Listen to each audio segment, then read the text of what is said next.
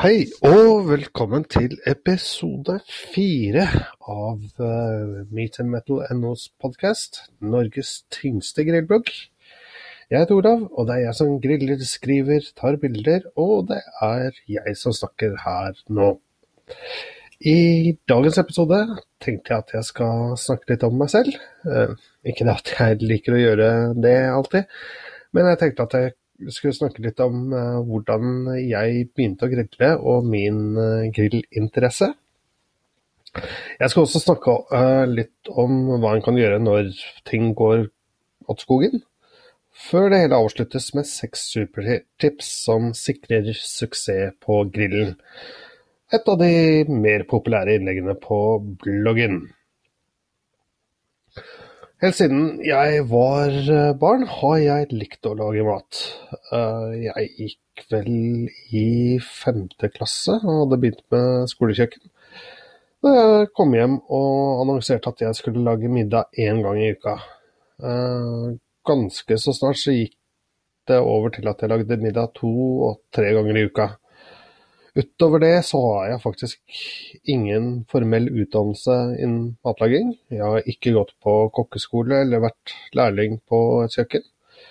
Det eneste er et kurs med Daniel Divacu Bennett på Barbecue Shop eh, tidligere i vinter, eh, vinteren 2017.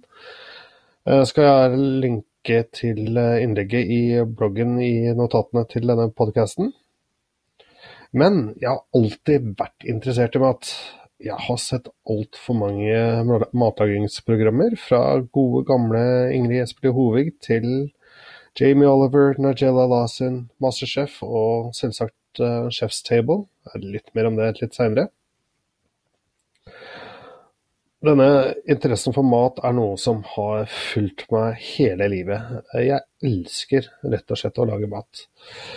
Det kan faktisk være sånn at jeg blir eh, ganske gretten om det går altfor lang tid før jeg får uh, lagd mat, hvis jeg er på ferie eller må bare spise på restauranter. Jeg elsker også å smake ny mat, enten det er nyskapende retter, eller om det er mat fra et sted i verden jeg aldri har prøvd før.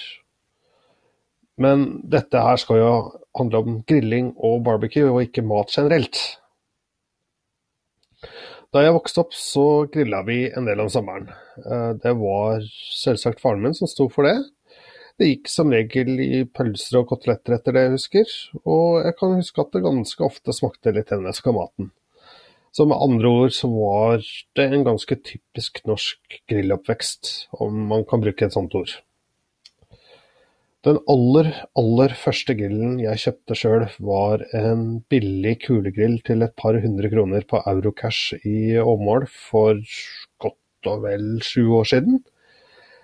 Jeg og kona hadde nettopp kjøpt ei hytte i de svenske skogene, og da må man jo ha en grill. Så vi endte opp med en kulegrill på Eurocash, som sagt, til jeg tror den faktisk kosta 199 svenske kroner. Vi kjøpte en pose gull, en flaske tennvæske og en pakke pølser. Og det var selvsagt jeg som skulle ta meg av dette. Og etter det jeg husker, så gikk det ikke bra i det hele tatt. Pølsene ble svidde, og det sprakk. Og det tok litt tid før jeg skjønte at det ikke skulle legges på direkte varme. I løpet av den vinteren kjøpte vi etter hvert en bålpanne fra Espegård, og kulegrillen ble satt i boden et sted der hvor den står den dag i dag. Bålpanna derimot har vært i veldig mye bruk siden. Og det er på den jeg har lært meg selv å grille gjennom mye prøving og feiling, og en hel del suksess. Det er også der jeg har servert 20 gjester eh, grillmat på en pålpanne. Med denne pålpanna beklager, ble det forsøk med kull og briketter, uh, før jeg etter hvert eh, kjøpte meg tennrør, slik at det ikke lenger er noe bruk for tennvæske. Så kom serien Chef's Table på Netflix. Og jeg så episoden med den argentinske kokken eh, Francis Malman. Hele land som var hengt opp på noe slags kors over et bål i én meter snø. Og det var et eller annet som klikka. Det var Jeg ble en instant fanboy. Dette var jo helt fantastisk å se på. En kokk i verdensklasse som bruker ild til å lage mat. Jeg slukte alt jeg kom over av Malman. Han er jo argentiner og snakker spansk. Han har en, eller har hatt, en serie på argentinsk TV, og, altså søramerikansk TV, som er på spansk. Det er ikke så mye engelskspråklig med ham, eh, og jeg er veldig dårlig i spansk. Så alt det jeg kunne finne, eh, har jeg slukt, rett og slett. Og den dag i dag er den andre engelskspråklige kokeboka hans, uh, 'Malman on Fire', en av mine absolutte favoritter av kokebøker. Denne episoden og Francis Malman gjorde også at jeg uh, ville begynne å bruke ved til å fyre opp i uh, bålpanna. Noe som kanskje har ført til en lettere irritasjon i resten av familien, ettersom det tar ørlite grann mer tid før den er eh, klar til at eh, maten kan legges på. Nå står jeg jo med motorsag og sager ned trær på tomta vår, og kapper og kløyver og tørker uh, sjøl. Og da vi etter hvert kjøpte hus og flyttet hit vi bor nå, så ble det endelig kjøpt en grill til å ha hjemme.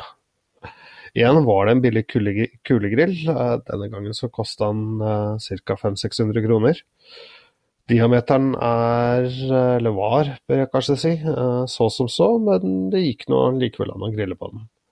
Og med litt planlegging og bruk av sjangermetoden, der man legger rader av briketter langs bunnen av grillen, fikk jeg jammen meg til å lage pulled pork og litt annen barbecue på den også. Men den var ikke, det var ikke en særlig god grill, eh, for å være helt ærlig, og det visste jeg da jeg kjøpte den. Men eh, det var et tilfelle der hvor eh, jeg må bare rett og slett ha meg en grill. Men så, til 40-årsdagen min, og nå avslører jeg kanskje alderen min, gikk hele familien sammen og slo på stortromma. I lang tid så hadde jeg drevet og sikla på en Traeger, og det var faktisk det de hadde gått sammen for å kjøpe. Uh, og hvis du har lest bloggen min, så er det jo absolutt ingen hemmelighet at jeg elsker uh, triggeren min. Det er for øvrig en uh, Trigger Pro 34. På denne så har jeg lagd og lager masse uh, barbecue. Jeg har røyka ribbe til å lage bacon, det har blitt bakt pizza, paier, alt mulig. Det er, eh, En Trigger er rett og slett en utrolig bra grill og smoker som gjør det veldig enkelt å lage fantastisk god mat. Men Og det er et ganske uh, stort men her. Uh, ting kan fortsatt gå galt, selv om du har uh, godt utstyr.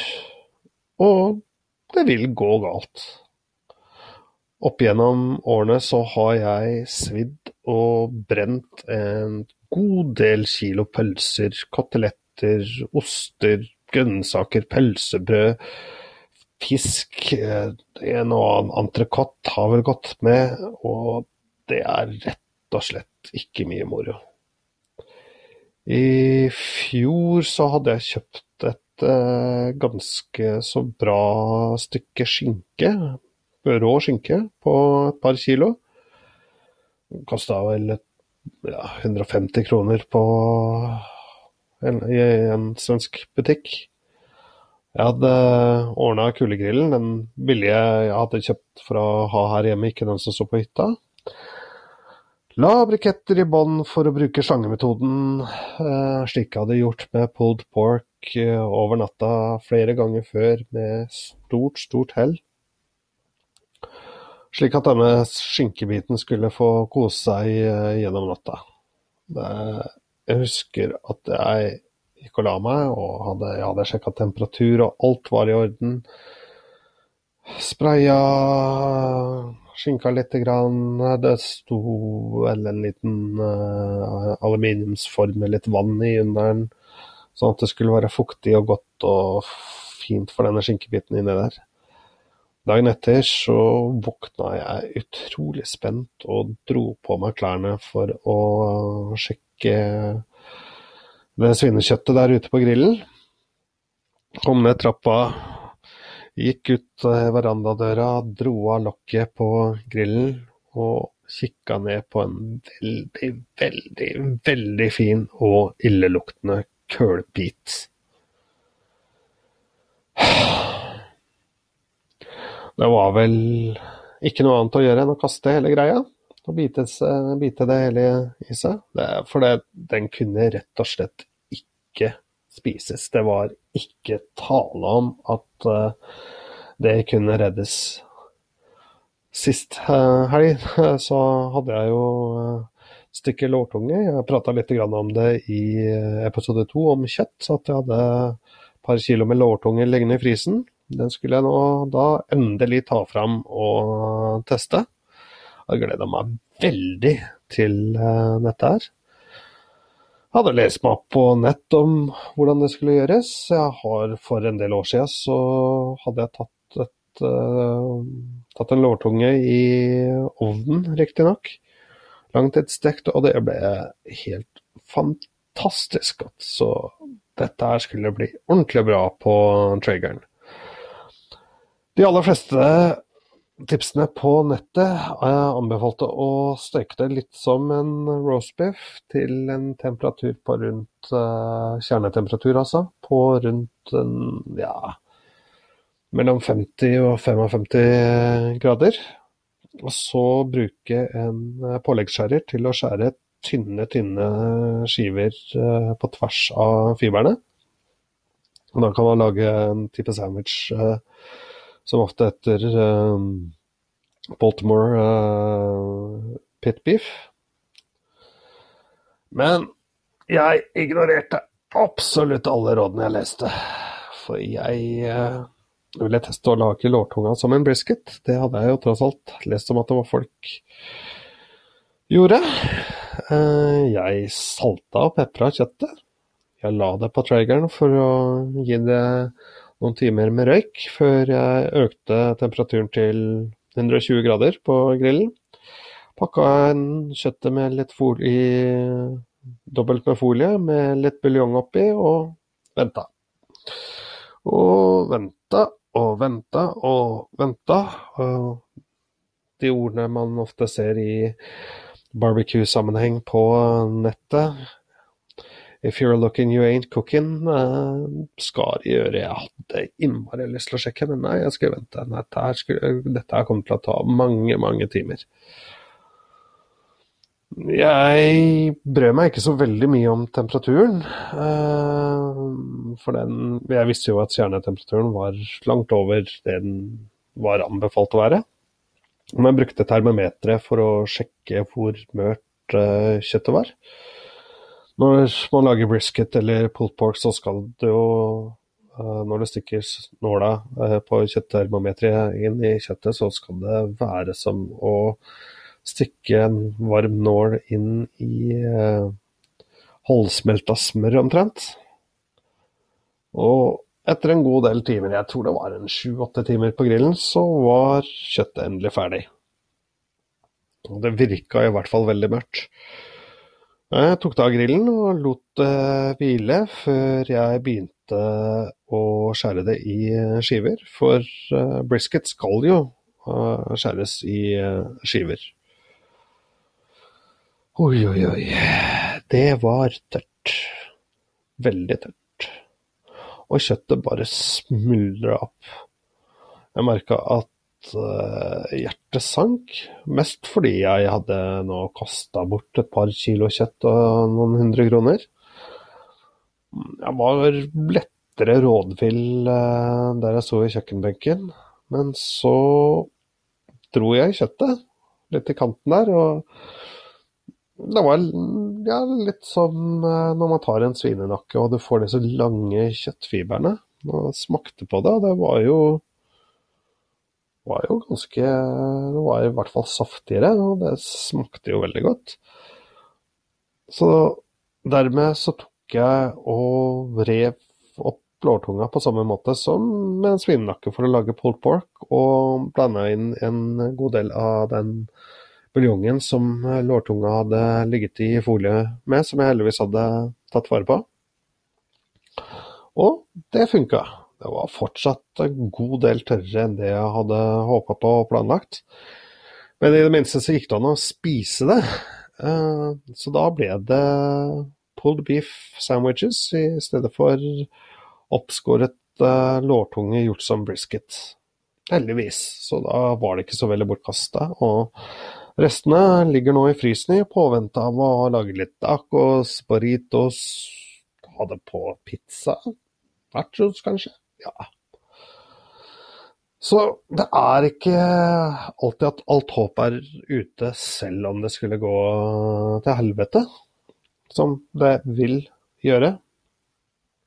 Men jeg har også noen uh, tips. Mine seks supertips som sikrer suksess på grillen.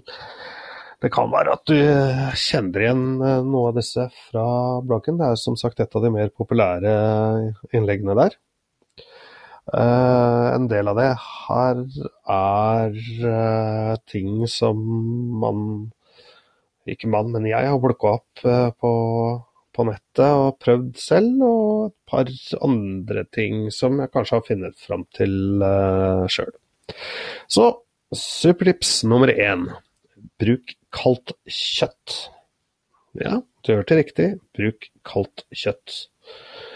I mange år har kokker og matpersonligheter, skribenter, sagt at man skal ta ut kjøttet en halvtime til en time før det skal tilberedes, slik at det får romtemperatur før uh, steking.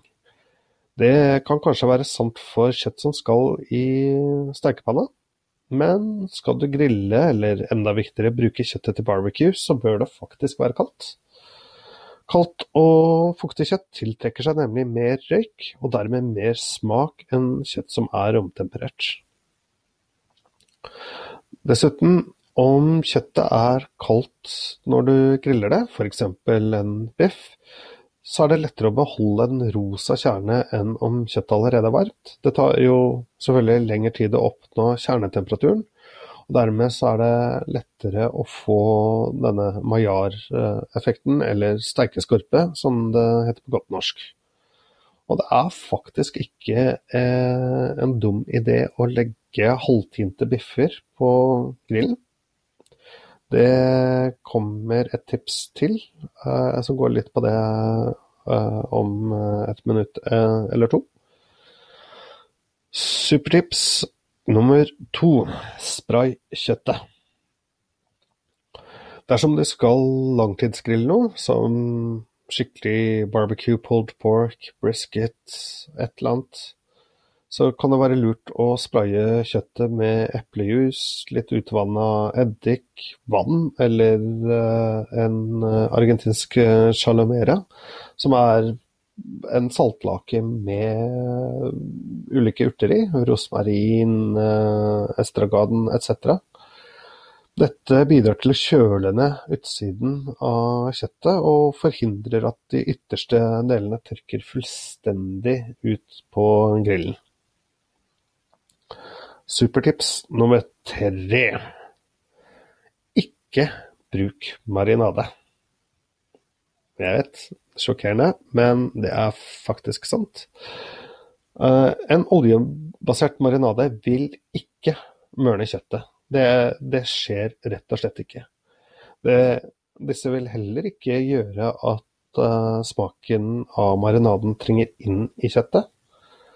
Marinader vil komme ca. 1 mm inn i selve kjøttet. Og grunnen til at vi tror at uh, hele kjøttbiten smaker av marinaden, er at vi blander det i vår egen munn. Uh, derimot syremarinerte marinader med sitrus, uh, vin, eddik, faktisk også ananas eller kiwi, bidrar til å bryte ned fibrene, men kan også være med på å koke kjøttet på en måte. Så vær litt forsiktig med det. Det kan også føre til at du får litt sånn mosaktig eh, konsistens på kjøttet, i hvert fall om du bruker en del eh, ananas som har et enzym i seg, naturlig, som eh, bryter ned kjøttfibre eller, eh, eller eddik. Eh, dessuten så er det mange ferdige marinader som inneholder en hel del sukker. Dette sukkeret kan veldig, veldig lett brenne seg dersom du bruker høy varme. Derfor så er det langt bedre å pensle med litt saus eller marinade de siste fem til nød ti minuttene, hvis du er litt forsiktig, av grillingen. Eller du kan eh, injisere kjøttet med en smaksatt eh, væskeblanding. Enten det er en litt utvanna buljong eller litt eplejus til uh, pulled pork, den type ting. Supertips nummer fire. Du behøver ikke la biffen hvile. Dette er kanskje en av de største mytene innen grilling, ja, matlaging generelt. At uh, sammen med det at du må brune kjøttet for å forsegle uh, biffen. Jo, hvis biffen hviler, så trekker kjøttsaftene seg tilbake i kjøttet. Men det skal visst være snakk om en vekt på 5-10 uh, og Dessuten, når du skjærer, uh, i, skjærer biffen på tallerken, så dypper man jo gjerne kjøttbitene i saftene før du putter den i munnen. Og En annen fordel ved å ikke la den hvile, er at uh, kjøttet faktisk er varmt når du uh, skal spise det, og ikke er sånn halvlunka. Supplips nummer fem, og dette henger sammen med siste delen av supertips nummer én. Bruk salt, og gjerne dagen før. Du må ikke salte kjøttet, for det trekker væske ut av kjøttet, har jeg blitt fortalt. Og det stemmer, det. Salter du kjøttet, så vil saltet som ligger på utsida av kjøttet, trekke væske ut av kjøttet, av kjøttstykket. Men hvis du gjør dette her i god nok tid før du skal grille, så vil denne væsken trekke tilbake inn i kjøttet. Og det vil ta med seg saltet inn i kjøttet.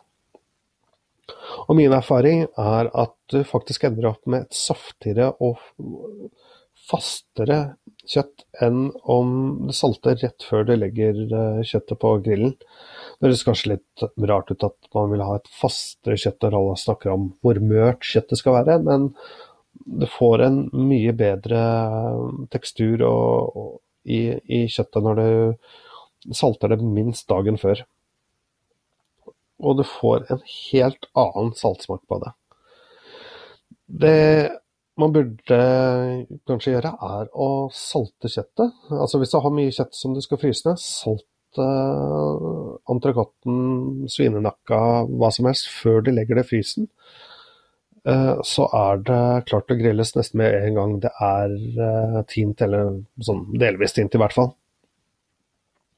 Men det du definitivt ikke skal gjøre på grillen, eller det jeg mener er at det du definitivt skal gjøre på grillen, beklager, er å pepre kjøttet rett før det er ferdig. Peprer du biffen eller nakkekoteletten, altså ting som skal eh, grilles med sterk varme, før du legger dem på grillen, så er det veldig stor fare for at pepperet uh, blir svidd, akkurat som sukkeret i marinadene. Og svidd pepper smaker ikke godt. Så dommer supertips nummer seks. Beklager. Bruk steiketermometer. Det er en del kjendiskokker, og flere av dem med, eh, med slengstjerner, som hevder at man kan bruke håndbakken for å bestemme hvorvidt en biff rare, medium eller godt stekt. Problemet med det er at uh, vi alle har litt ulike hender. trykk, og vi har litt forskjellig oppfatning av trykket mot uh, huden. Så for å unngå dette her, så bruk et godt steiketermometer. Da unngår du understekt, eller enda verre, overstekt biff. Og du behøver aldri å gjette hvordan biffen er eh, stekt. Dette her gjelder alt mulig av kjøtt og fisk. Så bruk steiketermometer alltid. Jeg kommer også til å fra dette innlegget legge ved en oversikt over eh, kjernetemperaturer. De har jeg rett og slett stjålet fra Matprat. Så det burde være offentlig godkjent. Burde også ta en titt på Amazing Ribs, eh, som er verdens største nettside for eh, barbecue og grill.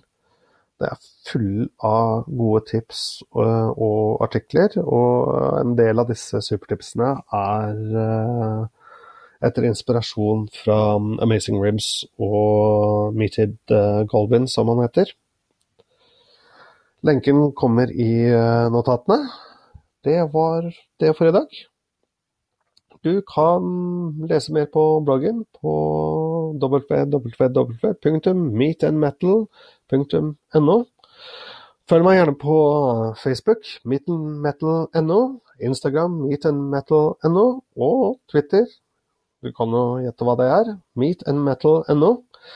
Podkasten er dessuten også nå tilgjengelig på iTunes, så da er det å gå inn der og begynne å abonnere. Gi meg gjerne en vurdering. Uh, hint fem stjerner gjør meg meget, meget glad. Takk for nå. Vi høres om en ukes tid. Until then, keep that smoke rolling.